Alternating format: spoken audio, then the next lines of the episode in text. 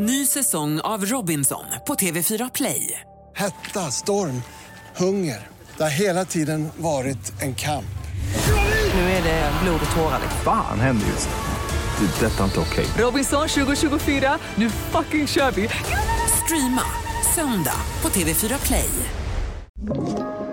Podplay. Dödssiffran stiger i Iran. Rekord i organdonatorer och Olof Mellberg ser ut att bli ny förbundskapten. Det är rubrikerna i nyheterna. Men vi börjar med att dödssiffran stiger efter den misstänkta terrorattacken i södra Iran under eftermiddagen. Minst 100 personer uppges nu ha dödats efter att två explosioner inträffade nära graven till den avlidne toppgeneralen Qasem Soleimani, det rapporterar nyhetsbyrån AFP och hänvisar till iranska medier.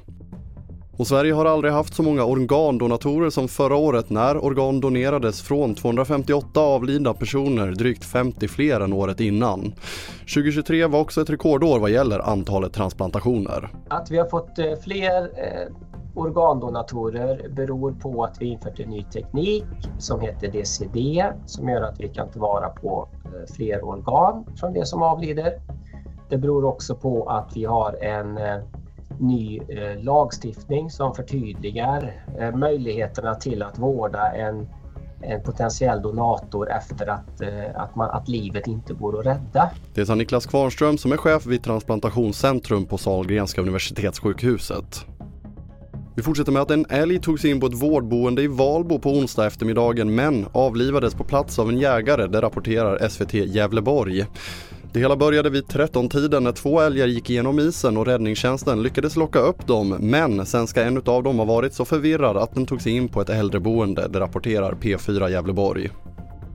Vi avslutar med att Olof Mellberg är detaljer ifrån att bli ny förbundskapten för Sveriges herrlandslag, det erfar Fotbollskanalen. Svenska fotbollförbundet kommer erbjuda honom jobbet och lösa honom från Brommapojkarna inom kort. Däremot ser Australien ut att stoppa Tony Gustafsson som förbundet också vill rekrytera. Fler nyheter hittar du på tv4.se. I studion André Meternan Persson.